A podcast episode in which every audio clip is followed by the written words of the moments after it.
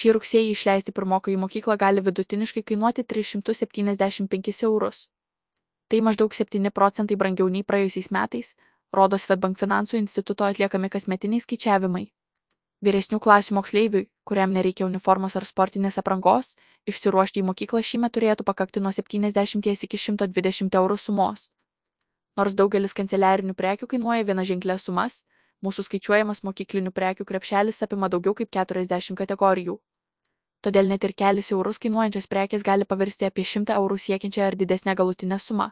Kaip ruošintis rugsėjui galima sutaupyti ir neištuštinti visos šeimos piniginės, Būtiniausios priemonės per metus brango apie 5 procentai. Mokyklinių prekių krepšelio kainą skaičiuojame jau penktus metus iš eilės. Per šį laiką matėme, kad mokyklinių prekių pasiūla rinkoje išaugo.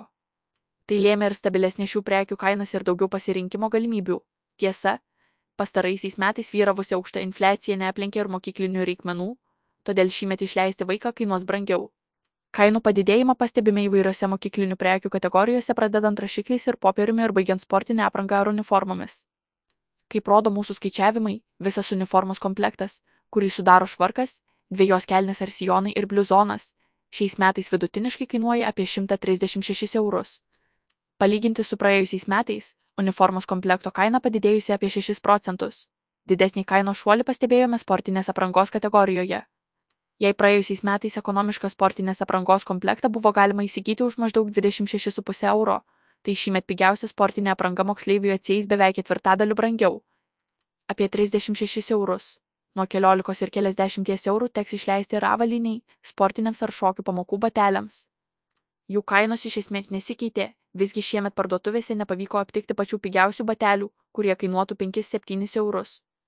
Kai kurios kanceliarinės prekės taip pat yra pabrangusios, o bendra mokiniui reikalingų priemonių krepšelio kaina šįmet, palyginti su praėjusiais metais, padidėjo apie 5 procentus ir prasideda nuo 70 eurų. Specializuotose kanceliarinių prekių parduotuvėse tokio prekių krepšelio kaina siekia apie 120 eurų ir taip pat yra apie 5 procentus brangesnė nei prieš metus. Kaip sutaupyti ruošintis rugsėjui? Mokyklinių prekių sąrašas. Visų pirma susidarykite reikalingų prekių sąrašą su kainomis ir apskaičiuokite bendrą reikalingą sumą. Žinant, ko reikia ir kiek kainuoja kiekviena iš prekių, bus paprasčiau įvertinti, kur galima sutaupyti daugiausia, kokių pigesnių alternatyvų paieškoti ar kur išsiversti su daiktais iš praeitų mokslo metų. Alternatyvos brangiausiems pirkiniams. Susidarius sąrašą ir pamačius, kad jis viršė numatytą biudžetą, alternatyvų pirmiausia reikėtų ieškoti brangiausiai kainuojantiems dalykams, tokiems kaip kuprinė, sportinė apranga ar uniforma. Pigesnės alternatyvos daugiausiai kainuojančiams mokyklinio krepšelio prekiams duos didžiausią finansinį efektą pasitelkite internetą ir prekybos platformas. Pavyzdžiui, galbūt internete pagal skelbimus galite rasti gero stovio naudotą kuprinę ar mažai dėvėtą jūsų vaiko mokyklos uniformą. Be to, ieškodami pigesnių variantų, išnaudokite naudotų daiktų pardavimo platformas, o prekių ieškokite ir kaimininėse rinkose.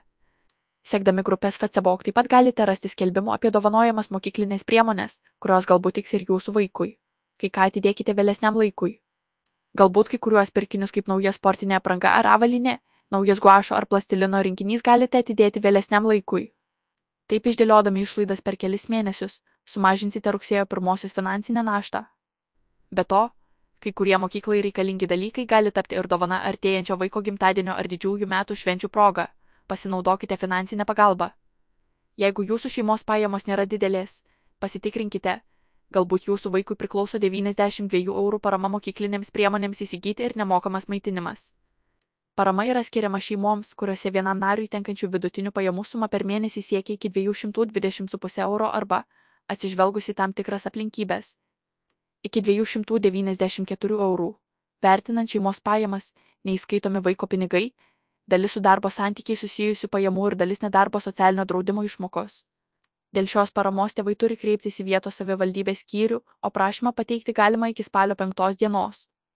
Nepriklausomai nuo šeimos pajamų, nemokami pietų šalies mokyklose yra skiriami visiems priešmokyklinukams, pirmokams ir antrokams.